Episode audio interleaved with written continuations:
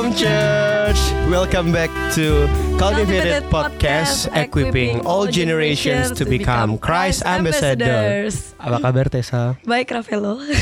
Jadi eh, hari ini kita memulai podcast kita ya Tess. Iya. Di hari Minggu yang cuacanya lagi enak ya Tess ya. Cuaca Melbourne yang indah ini. Cuacanya Melbourne lagi enak. Hari ini kita kedatangan bintang tamu Tess. Iya. Siapa, bersama Pastor Rubin Adi Abraham. Yeay. Shalom. Shalom Pastor Rubin. Iya. Pastor Rubin ini eh, dari gereja Stairway from Heaven dari Bandung. Dari Bandung, Kumaha Damang, Pastor Hun. Pastor Rubin, uh, congratulations dulu mungkin sebelumnya Iya. kemarin terpilih jadi ketua Sinode. GBI. Iya. Semoga bisa mengemban tugas baik-baiknya. Amin. Kita uh, ngobrol nyantai dulu kali ya. Mau ngobrol nyantai dulu. Pak, gimana Pak Rubin di Melbourne suka? Suka, saya sudah beberapa kali ke sini. Oh, udah beberapa kali. Cuacanya kali Suka. ini sedang Lagi enak. bagus. Lagi Sa- cerah. sama Bandung enak mana nih Pastor Rubin? Oh, Bandung lebih hangat daripada di sini. ini lebih dingin. Kangen ketoprak ya, kangen. Kalau di sini kan Yara River. Wah ya. Kalau di sana Cikapundung. Bandung. Ciliwung. Ciliwung. Tessa sekolah di Bandung ya Aku dulu ya, dulu Tess, ya? sekolah di Bandung, Oh, di di, Bandung. Santo Aloysius, Oh, Sultan Agung. Sultan Agung. Anak-anak saya di Oh di sana. Aloysius juga, tapi di Batu Nunggal. Aku dulu SMA kelas satunya Batu Nunggal, Oh, kelas 2-nya Sultan Agung. iya. Tuh. Oke, jadi kenalan dulu ya. Saya Rafil Satria buat yang nggak tahu nih, mohon maaf. Saya sama siapa hari ini? Eh, saya Tesalonika Rudangta. Bakal menemani kalian semua di Q&A hari ini bersama Pastor Rubin Adi. Jadi question pertama nih Pastor Rubin. Kan Pastor Rubin baru terpilih menjadi uh, ketua sinode GBI. Apa sih visi misi GBI yang harus dimiliki sama anak-anak muda masa kini, especially buat anak-anak yang lagi merantau nih ke Melbourne kan jauh dari orang tua, dari gereja dia yang lama gitu. Ya salah satu moto yang saya usung di dalam Sinode GBI itu disingkat dengan akronim SEHATI. S E H A T I.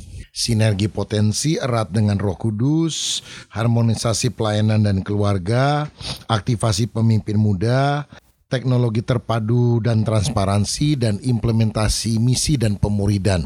Khususnya untuk anak muda setidaknya ada dua hal yang saya mau tekankan. Yang pertama adalah erat dengan Roh Kudus. Jadi anak-anak muda juga harus memiliki keintiman dengan Roh Kudus. Karena kita percaya Tuhan telah memberikan pesan melalui hamba-hambanya akan terjadi lawatan yang sangat luar biasa di akhir zaman dan anak-anak muda justru yang akan dipakai Tuhan. Khususnya juga anak-anak Tuhan yang ada di Indonesia atau anak-anak Indonesia yang ada di luar negeri yang api kegerakannya itu akan menyebar ke seluruh dunia. Amin. Dan itu tidak mungkin terjadi kalau kita nggak erat dengan Roh Kudus. Man's power sangat terbatas, God's power tanpa batas. Unlimited. Jadi keintiman dengan Roh Kudus kita harus jalin lewat doa, pujian, penyembahan, ketaatan pada Roh Kudus. Satu poin lain dalam sehati itu adalah aktivasi pemimpin muda. Karena kita merindukan anak-anak muda bukan cuma jadi pelayan, tapi anak-anak muda jadi leaders. Para pemimpin di setiap angkatan. Nah sering kali ada orang bilang gini, generasi muda itu generasi penerus yang akan jadi pemimpin di kemudian hari. Saya setuju dan tidak setuju dengan kalimat itu. Karena anak muda seharusnya bukan generasi penerus di kemudian hari. Anak muda harus jadi leaders bagi generasinya. Yeah. Karena eh, orang-orang tua misalnya jadi pemimpin, tapi anak muda pun itu walaupun under authority daripada orang-orang yang lebih senior, kan dia punya generasinya sendiri. Iya. Misalnya teenagers harus punya leadernya di sana, yang anak-anak muda juga eh, harus punya pemimpinnya di sana. Jadi di dalam setiap generasi Tuhan punya orang-orang muda yang harus take responsibility dan berkata, "Ini aku, utuslah aku. Saya mau dipakai Tuhan untuk generasiku." Jadi dalam gereja pelayanan mesti ada beberapa las- lapisan leadership dan tidak bisa kita berpikir hanya orang tua yang jadi leader lalu anak-anak muda enggak. Jadi itu dua hal yang saya mau tekankan. Yang pertama tadi adalah erat dengan Roh Kudus, yang kedua aktivasi pemimpin muda. Wah, gila. Keren banget. Jadi tetap harus ada tanggung jawabnya walaupun sebagai generasi muda, tapi juga ada tanggung jawab yang harus Lakukan. Ya, bukan cuma nanti tanggung jawab bukan kelak di kemudian hari mulai, dari sekarang. Uh, next question nih, Pastor Rubin. Um, as a as a teenager, uh, apalagi mungkin anak-anak cowok ya kan biasanya pengaruh pornografi itu kan pasti kencang sekali gitu. Kemarin tuh, jadi kita kemarin tuh um, sudah bikin kayak suatu Google Form yang anak-anak bisa tanya. Terus kemarin ada yang nanya kayak gini, gimana kalau sudah bertobat? Ya mungkin ibaratnya ya yang dulu mungkin sebulan dua kali, sebulan tiga kali misalnya nonton pornografi misalnya bertobat sih jadi mungkin tiga bulan sekali tapi kan masih menonton pornografi. Gimana caranya bener-bener lepas itu gimana sih, Pastor Rubin? Ya, bertobat itu artinya berhenti dari berbuat dosa lalu berbalik kepada Tuhan. Dan itu bukan sedikit lebih baik. Saya dulu sebelum bertobat ngerokok tiga bungkus, sekarang sudah bertobat cuma tiga batang sehari. Itu kan belum bertobat. Nah, pertobatan adalah perubahan radikal di dalam Tuhan. Memang ada proses untuk itu. Kita tidak langsung seketika jadi perfect seperti itu, ada prosesnya. Nah, untuk mengatasi masalah pornografi ada beberapa hal yang kita perlu pikirkan. Yang pertama, kita harus tahu bahwa pikiran adalah medan peperangan. Jadi dosa itu dierami dalam pikiran. Kalau kita kalah dari pikiran, dalam pikiran kita akan kalah dalam perilaku hidup ke kehidupan sehari-hari atau perbuatan. Tapi kalau kita menang atas pikiran, kita juga menang. Karena itu Alkitab berkata, kalau kita mau menjadi serupa seperti Tuhan, harus dimulai dari change of your mind, perubahan pola pikir. Semua yang baik, semua yang benar, semua yang suci dan sebagainya, pikirkanlah semuanya itu. Dari mana atau bagaimana caranya kita punya pikiran yang benar? Mesti dari Alkitab. Tiap hari kita harus isi dengan firman. Tiap hari mesti baca Alkitab. Misalnya kita punya satu gelas kosong. Lalu gelas kosong itu kita isi dengan Sprite maka luber keluar Sprite. Gelas kosong diisi dengan Coca-Cola. Yang luber adalah Coca-Cola. Tapi kalau gelas kosong kita isi dengan air got, maka yang keluar adalah air got. Jadi outputnya tergantung dari inputnya. Ya. Inputnya adalah firman. Ada pendeta satu kali panas badannya 39 eh, derajat Celcius lebih. Jadi dia mengigau. Jadi ngomong nggak sadar kan. Apa yang dia ngomong waktu dia panas badan itu? Tuhan adalah gembalaku. Tak akan kekurangan aku. Marilah kepadaku yang letih lesu. Kenapa dia ngomong gitu? Karena tiap hari yang diisi firman. Coba kalau kita nggak pernah baca Alkitab, lagi mengigau gitu ngomongnya yang macam-macam yang aneh-aneh kan. Iya benar-benar. Jadi mulai dengan uh, pola pikir uh, yang bersih dari firman Tuhan. Lalu kedua, kita juga harus menjaga diri karena godaan itu selalu ada. Peperangan itu seumur hidup, godaan itu selalu mengganggu kita dari waktu ke waktu. Tapi kita mesti sadar, ketika kita digoda, kita belum jatuh dalam dosa. Ketika kita berkata yes terhadap godaan, di situlah kita jatuh. Ada seorang reformator gereja terkenal namanya Martin Luther. Dia pernah bilang gini, saya nggak bisa melarang burung terbang di atas kepala saya, tapi saya bisa mencegah burung bersarang di atas rambut saya. Ya. Hmm. Jadi pikiran kotor itu kadang-kadang suka menyerang. Itu belum dosa. Kalau kita bilang dalam nama Yesus, lalu kita mengalihkan pada pikiran yang baik, kita menang. Jadi kadang-kadang kita terutama yang muda-muda ini kan jatuhnya karena kita selalu lawan, selalu hantam itu godaan. Misalnya begini, kita tiba-tiba pikirannya kok ada pikiran kotor ya. Lalu kita ngomong, saya nggak mau pikir kotor, saya nggak mau pikir kotor, saya nggak mau pikir kotor. Yang muncul apa? Pikiran kotor. Seperti misalnya saya bilang, coba dalam satu menit ini kita jangan ada yang mikir soal gajah. Oke ya, jangan mikir gajah, jangan mikir gajah, jangan mikir gajah yang badannya besar, jangan pikir gajah yang belalainya panjang. Kira-kira yang kita pikir apa? Malah itu. Gajah kan? Gimana caranya supaya kita tidak mikir gajah? Pikir yang lain, alihkan pikiran Iya, iya, kita. Iya, iya, iya, iya. Misalnya kita pikir mobil, mobil warnanya merah, lalu joknya dari kulit, lalu kemudian klaksonnya tut, wah bunyinya bagus. Ketika kita pikir soal mobil dengan segala aksesoris yang bagus, kita nggak akan pikir gajah.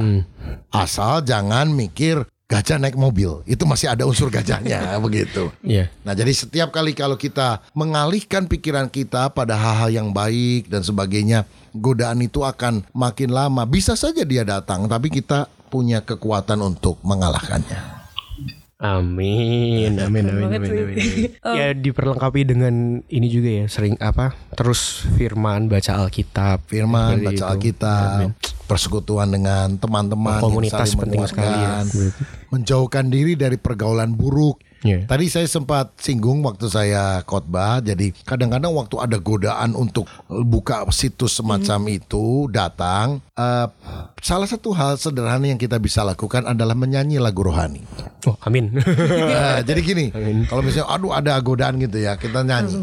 Lagunya ini, ku telah mati dan tinggalkan Nyanyi tes.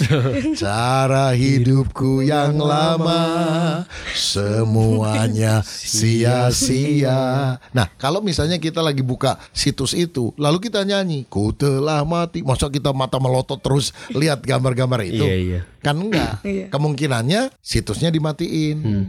Lagunya tetap nyanyi. Atau kalau enggak kalau kebalikannya, situsnya masih tetap dilihat, nyanyinya berhenti begitu. Jadi iya. eh, kita eh, berada pada option pilihan yang sedapat mungkin membuat kita bisa menang ketika kita belajar nyanyi lagu rohani yang pas Iya. pada waktu godaan. Ya, amin. Tadi ngomong-ngomong soal komunitas, Pastor. Ada yang nanya, saya punya teman LGBT gitu. Ada yang mau nanya seperti itu. Itu sikap kita sebagai orang Kristen harusnya seperti apa sih, Pastor? Maksudnya apa dijauhin atau tetap ditemenin? Terus dia nulis juga nanti kalau saya yang keikut nanti di mana? Tapi saya juga kasihan. Nanti dia bilang kayak gitu. Hmm. Nah ini ada prinsip yang pertama kita harus pahami bahwa Tuhan menciptakan manusia pertama itu Adam dan Hawa, bukan Adam dan Hendra, gitu ya. Adam and Eve, not Adam and Steve. Nah Tuhan sudah menetapkan adanya manusia itu bahkan sebelum negara ada, organisasi ada, dan itu tidak bisa di voting bahwa secara demokrasi mana suara terbanyak setuju atau tidak setuju. Karena yang menetapkan adalah Tuhan. Jadi Tuhan punya kedaulatan lebih daripada eh, manusia untuk menetapkan itu. Nah, tetapi kita tahu akhir zaman manusia melakukan banyak pemberontakan kepada Tuhan sehingga hal ini kemudian dianggap sebagai sesuatu yang wajar dan diterima. Sebetulnya ada tiga pandangan kalau kita melihat perilaku LGBT, perilaku gay. Yang pertama, ada orang berpikir saya itu sebetulnya nggak mau jadi gay seperti ini, cuma saya memang dilahirkan, diciptakan oleh Tuhan seperti, Seperti ini. ini. Pertanyaannya, benarkah Tuhan menciptakan seorang terlahir sebagai gay? Jika benar, maka yang salah adalah Tuhan. Ya. Karena saya nggak mau kok Tuhan yang menciptakan saya, Tuhan yang salah. Atau yang kedua, ini yang lebih umum, itu adalah penyakit mental. Cuma kalau kita bilang oh gay itu penyakit mental, orang sakit itu tidak bisa disuruh bertobat. Orang sakit itu kita harus berbelas kasihan kepada mereka, harus memaklumi mereka. Kalau ada orang batuk, saya kan nggak mungkin bilang, eh jangan batuk, bertobat. Masa bisa orang juga batuk dong. suruh bertobat. Nggak bisa juga dong. Orang batuk dikasih obat, dibawa ke dokter. Kalau nggak sembuh, dokternya yang salah. Kalau nggak sehat, penyakit eh, obatnya kurang bagus, psikiaternya yang kurang canggih.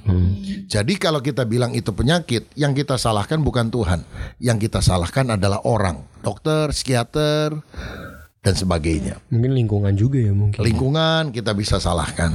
Tapi yang ketiga, kita juga bisa bilang perilaku ini adalah dosa. Dan kalau dosa, siapa yang harus tanggung jawab? Saya. Godaan itu ada, heteroseksual tergoda, homoseksual ada godaan, tapi akhirnya ketika itu menjadi sebuah perilaku, saya yang mengambil keputusan. Itu decision saya untuk beberapa option yang hadir dalam hidup saya. Dan kalau saya yang berdosa, saya harus bertobat. Nah, Alkitab bicara pemburit atau homoseksual tidak akan masuk ke dalam kerajaan sorga. Beberapa di antara kamu demikian seperti itu, kata Paulus kepada jemaat Korintus. Tapi kamu telah memberi dirimu disucikan, kamu dibenarkan, kamu dikuduskan. Jadi berarti ada orang-orang Kristen yang tinggal di jemaat Korintus yang kepadanya Paulus menulis surat. Memang seperti itu. Ini bukan hanya zaman sekarang, zaman dulu ada. Tapi ketika kamu bertobat, kamu dilahir barukan, kamu tidak lagi seperti itu. Jadi ada transformasi di dalam Kristus. Hidup bisa berubah. Kalau ada teman seperti itu, justru kita harus kasihan kepada mereka. Kita harus berdoa, kita harus menyadarkan ini bukan kamu dilahirkan seperti itu. Ini bukan sekedar salahnya lingkungan dan sebagainya, tapi kamu harus datang kepada Tuhan. Wujudnya jangan kita menguncilkan mereka, Iya. harus mengasihi. Yesus adalah sahabat orang berdosa. Yesus mencintai orang berdosa, tapi dia membenci dosanya. Jangan membenci orangnya, membenci Dosanya, perbuatannya. perbuatannya. Dan cara supaya dia lepas dari perbuatan hal itu kita menyadarkan dengan firman supaya kembali pada apa yang Tuhan telah ciptakan. Manusia diciptakan laki-laki dan perempuan. Puji Tuhan. Iya. Amin. Dan testimoni pertobatan itu juga udah banyak ya sebenarnya. ya? Banyak. Ya, Testimoni kita bisa lihat di uh, YouTube, di Google, kan banyak orang-orang yang uh, bahkan yang sudah transgender dan sebagainya kemudian bertobat. bertobat. Begitu. Dan Tuhan juga pasti akan eh, apa ya pertobatan tuh Tuhan akan terima dengan tangan Ya, terbuka yang pasti betul. tidak. Amin. Um, move to the next question. Tadi karena sempat nyinggung karena kayak di akhir zaman orang tuh makin aneh-aneh gitu dan kalau dibilang kan makin deket ke akhir zaman makin banyak nabi-nabi palsu. Ya. Dibilangnya gitu. Terus ini ada yang nanya kayak kriteria nabi palsu tuh apa dan waktu kita tahu kayak seorang seseorang itu kayak menyampaikan firman Tuhan dengan salah, respon kita tuh harus gimana sih, Pastor? Ya. Jadi Tuhan Yesus sendiri ngomong salah satu ciri akhir zaman akan muncul nabi-nabi palsu, mesias palsu. Nah, kenapa ada yang palsu? Karena ada yang asli. Nah, karena itu kita harus pelajari yang asli. Apa yang asli? Kebenaran firman Tuhan di dalam Yesus Kristus. Sekarang ini banyak angin-angin pengajaran yang aneh-aneh. Dulu jemaat itu dengar omongan apa kata pendetanya. Tapi sekarang banyak orang bukan hanya dengar apa kata pendetanya. Banyak pendeta yang mereka bisa dengar lewat YouTube dan sebagainya. Ya. Dan ini eh, kalau nggak ada filternya bisa berbahaya. Bahaya. Jadi poinnya adalah kita harus lebih banyak meneliti kebenaran firman, baca Alkitab tiap hari, mengerti dengan benar firman yang diilhamkan oleh Roh Kudus. Saya ambil contoh. Di Amerika ada tim pemberantas uang dolar palsu. Jadi kalau ada dolar palsu di masyarakat mereka yang diturunkan. Lalu satu kali ada wartawan tanya kepada tim pemberantas dolar palsu ini. Jadi Anda ini harus selidiki banyak dolar palsu dong supaya bisa membedakan dari yang asli. Mereka bilang enggak, kami cuma selidiki satu hal, yang asli. Jadi begitu kami tahu mana yang asli, Ya. karena ngerti betul, kita tahu bedakan dengan mana yang palsu. Jadi kita nggak harus terlalu menyelidiki seluk beluk yang eh, palsu-palsu itu, karena di Amerika sekarang ini diperkirakan ada 1.800 jenis aliran palsu dari nabi-nabi palsu. Kalau misalnya kita bikin seminar meneliti ajaran sesat seminggu sekali, maka baru 1.800 minggu kita selesai. Saya keburu punya pacar ya terus ya. Dan akhirnya malah jadi palsu semuanya. Jadi ngerti kebenaran firman karena itu yang paling utama. Amin, amin, amin. Bener banget sih. Aku, aku diingetin ini sih. Aku kan dulu juga mungkin punya banyak pertanyaan gitu kan. Terus tapi kayak eh, mungkin ini eh ini bukan ngejudge tapi ini juga buat in general aja tapi aku diingetin kayak sebenarnya waktu aku punya banyak pertanyaan tuh karena aku waktu itu juga belum baca Alkitab gitu. Aku diingetin itu sih. Tapi actually se- setelah kita baca dan mengerti itu sebenarnya semua pertanyaan tuh ada di sana semua sebenarnya. Ya, banget. Oke, moving to the next, Next question. question. Wah ini actually salah satu pertanyaan yang saya suka. Bagaimana saya tahu jika saya terpanggil menjadi uh, full timer atau mungkin pendeta gitu mungkin. Terus apa dia mungkin ragu-ragu gitu apakah saya harus meninggalkan pekerjaan saya? Ya. Jadi dalam setiap generasi Tuhan selalu memilih orang-orang pilihannya untuk melayani. Dan ketika Tuhan panggil kita untuk melayani, kita mesti bilang, ini aku, utuslah aku. Kita tidak boleh menolak panggilan Tuhan. Kalau menolak seperti Yunus, disuruh ke Niniwe, malah pergi ke Tarsus. Akhirnya ditelan sama ikan besar. Jatuh-jatuhnya ya mesti taat juga ini sama Niniwe Tuhan. lagi. Gitu. Iya. Nah, tetapi benarkah Tuhan memanggil saya untuk melayani sebagai seorang full timer? Itu pertanyaan yang penting.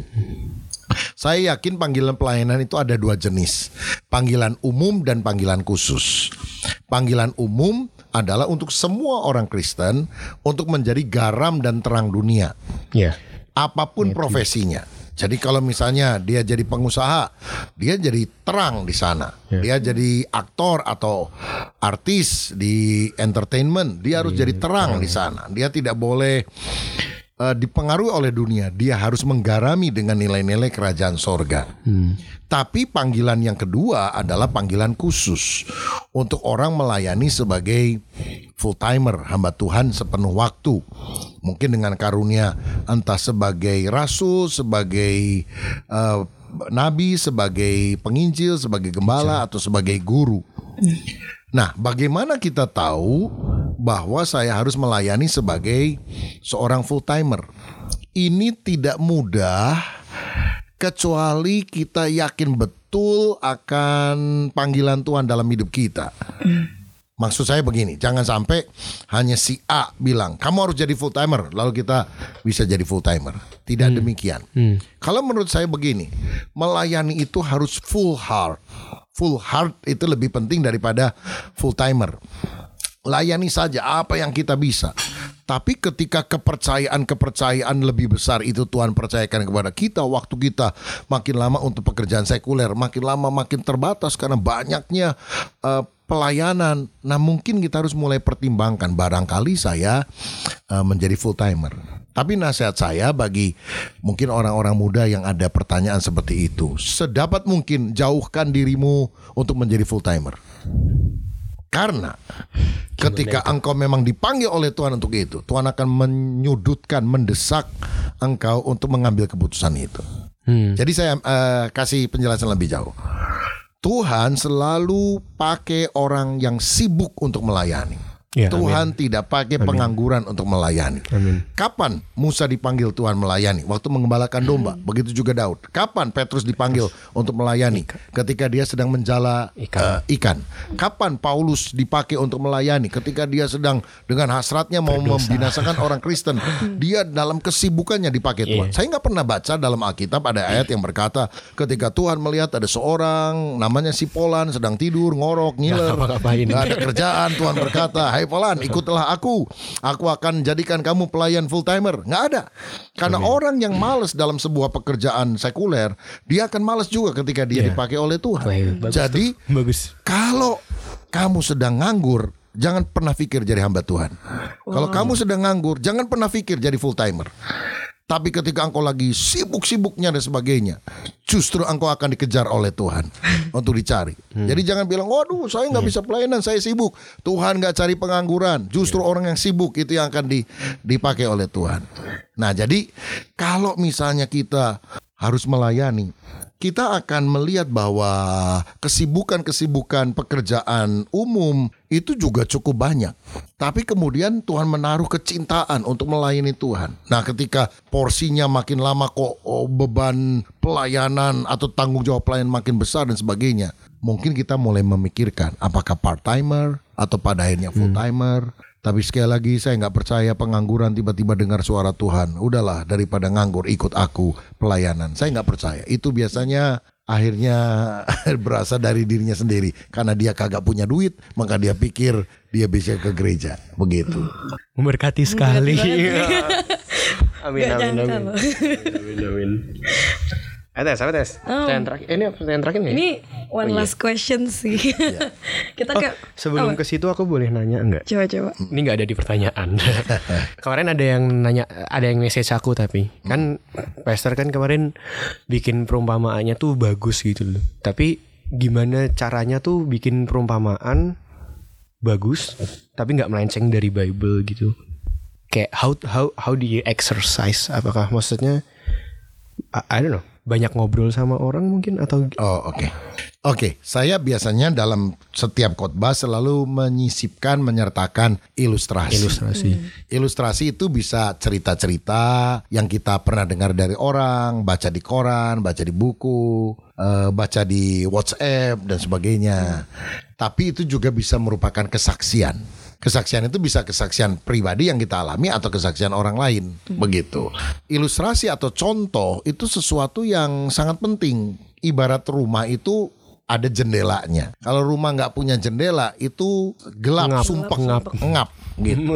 Jadi untuk bisa melihat sesuatu lebih jelas, kita harus punya jendela dan itu adalah ilustrasi. Nah, ilustrasi didapat dari mana? Ya macam-macam. Dari buku, dari mendengar eh, orang berbicara atau dari pemikiran kita lalu kita pikir eh, lalu kita membuat ilustrasi sebagai jembatan berpikir. Sebab gimana pun juga kita agak sulit kalau hanya mengerti konsep.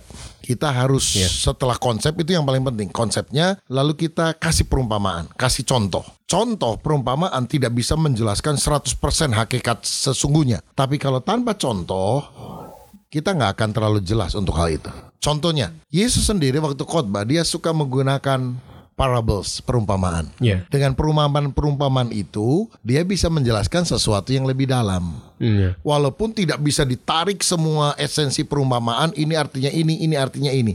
Tapi secara global, secara garis besar, perlu ada parables itu. Jadi kalau ada, eh, khususnya untuk anak-anak muda yang mulai senang untuk berbagi firman, sharing dan sebagainya, untuk sesuatu yang bisa lebih relevan, aplikatif, gunakanlah contoh, gunakanlah kesaksian. Pasti itu akan sangat memberkati karena berkaitan dengan hidup sehari-hari. Pastor Rubin suka mencatat gitu nggak sih Pastor Rubin? Suka. Sekarang kalau dulu pakai kertas, sekarang eh, pakai digital ya, mungkin di di eh, handphone dan sebagainya. Karena ada ungkapan begini. Potlot yang atau pensil yang pendek lebih baik dari pikiran yang panjang. Karena kalau kita punya pikiran yang panjang, pikiran itu bisa lupa. Kadang-kadang Iya. datang, oh bagus idenya, nggak dicatat lupa. Iya. Tapi pensil yang pendek bisa mencatat ide tersebut dan kita bisa mengingatnya karena itu ada catatan. Amin. Wah. Tessa mau nangis Tessa. Iya. Aku juga lagi mencoba habit mencatat. iya. Em, kita move ke one last question nih, Pastor. Em, kan Pastor sharing banyak gitu kan. Punya nggak sih ayat favorit? Ayat favorit tentu ada beberapa, tapi salah satu yang saya sukai Roma 8:28. Kita tahu sekarang bahwa Allah turut bekerja di dalam segala sesuatu untuk mendatangkan kebaikan bagi setiap orang yang mengasihi Dia, bagi setiap orang yang terpanggil sesuai dengan rencana Allah. Ayat itu selalu mengingatkan saya apa pun kondisinya, baik atau buruk, Tuhan punya rencana yang baik Ya, amin. dalam hidup saya. Bahkan ketika rencana kita gagal, doa kita rasanya tidak dikabulkan Tuhan, semua tampak berantakan, kita percaya there is a blessing in disguise. Ada Iya. berkat di balik semua persoalan-persoalan kita. Nah, cuma ada satu hal yang penting. Kadang-kadang ada orang juga pegang ayat ini. Tuhan turut bekerja mendatangkan kebaikan. Apa yang dimaksudkan kebaikan? Kebaikan diberikan bagi setiap orang yang terpanggil dan mengasihi Tuhan. Jadi modal saya utama adalah mengasihi Tuhan. Maka apa yang tidak pernah dilihat oleh mata, tidak pernah didengar telinga, tidak pernah timbul hati, Tuhan akan sediakan bagi setiap orang yang mengasihi Dia. Tapi kebaikan yang dimaksudkan di sini bukan kenyamanan. Kebaikan Ya. yang dimaksudkan oleh ayat itu bukan rumah lebih bagus, mobil lebih bagus, bukan mobilnya yang harus lebih baik. Bukan karirnya harus yang harus lebih baik, bukan income-nya yang harus lebih baik, tapi karakter kita yang harus Amin, lebih baik. amin. Karena Roma 8 ayat 28 sambungannya ayat 29. Dan ayat 29 intinya supaya kita menjadi serupa seperti gambaran anaknya yaitu Yesus Kristus. Biasa. Jadi yang dimaksud baik bukan lebih kaya, lebih keren, mobilnya lima, Lamborghini, dan sebagainya. Tapi yang lebih baik adalah kita menjadi serupa seperti Kristus. Jadi karakternya yang harus makin serupa seperti Kristus. Itu berarti ketika kita ini gampang tersinggung, Tuhan bisa menghadirkan orang-orang yang suka menyinggung Selin. sampai rasa tersinggung kita habis. Amin. Dan itu kebaikan supaya kita bisa mengampuni, memaafkan orang lain. Sehingga kita tidak bilang, katanya baik Tuhan, kok begini amat tuh orang-orang yang jelekin saya, orang fitnah saya, orang gosipin saya. Digosok supaya makin sip, itu gosip. ya, jadi selalu ada hal-hal yang baik, kebaikan sekali lagi bukan kenyamanan, kebaikan adalah karakter kita menjadi serupa seperti Yesus. Tuhan Yesus luar biasa. Dahsyat banget. Grogi lagi. terima kasih, terima kasih Pastor Rubin buat hari ini udah Iya. Thank you. menemani kita semua. Sebenarnya masih pengen ngobrol lebih banyak, tapi karena keterbatasan keterbatasan waktu, mungkin suatu saat kita nanti ketemu Boleh, lagi. boleh, Amin. Uh, mungkin sebelum kita nutup, boleh uh, kita boleh minta Pastor Rubin buat mungkin doain buat yang pendengar gitu. Mungkin Pastor Rubin boleh Ya. short prayer buat kita semua Ya, mungkin. kita doa ya. Bapak Surgawi, terima kasih untuk persekutuan di mana kami bisa bincang satu dengan yang lain berkati Ravelo dan juga Tessa dan juga setiap pendengar yang juga mendengarkan hal ini. Hamba berdoa supaya apa yang kami bicarakan sungguh-sungguh membuka wawasan kami, mendorong memotivasi hati kami untuk makin mencintai Tuhan Yesus. Tuhan Yesus memberkati. Amin. Amin. Terima kasih. Sama-sama Tuhan berkati. Gimana tes lu terberkati nggak tes? Oh ya terberkati banget lah Kayak Wah Ngomongin pertama-tama tuh dari visi misi GBI buat anak-anak muda tuh menurut gue amazing banget yang kayak kita tuh harus jadi spirit filled generation gitu loh dan dari situ kita tuh kalau semakin dekat sama Tuhan makin connect ke source-nya kita bisa memberkati banyak orang lagi Amin, amin. Gue ya, gue berharap banget sih uh, podcast kita hari ini pastinya nggak akan bisa ngejawab semua pertanyaan ya. Tapi tenang aja, kita punya segmen Q&A. dan Tapi ada cool Iya, ada ada cool, ada cool juga. Yang belum join cool, ayo Ayo join ke cool. Jadi uh, hari ini gue ya gue juga merasa terberkati banget. Um, penjelasan Pastor Rubin sangat jelas buat buat gue pribadi. Um, ya terima kasih sekali lagi buat Pastor Rubin. Uh, safe flight nanti ke pulang ke Indonesia. Ya, thank you. Semoga tidak kehujanan di Melbourne. Hari ini hujan nggak? konon katanya Konon katanya, tidak. konon katanya tidak. But anyway, thank you banget ya yang uh, udah dengerin Cultivated Podcast. Uh, follow Instagram kita di mana tes? cultivated.podcast Amin. Ada di Spotify, Spotify, juga YouTube. Cultivated Podcast. Bener banget. Sama, namanya semua sama. Pokoknya tidak harus like dan komen dan subscribe itu hak-hak kalian. Tapi ibarat restoran ya tes. Kalau lu makan di tempat makanannya enak kan lu pasti share ke orang lain. Iya dong. Amin. Iya. Thank you. Uh, have a good Sunday. Happy Blessed Sunday Bye bye. Bye.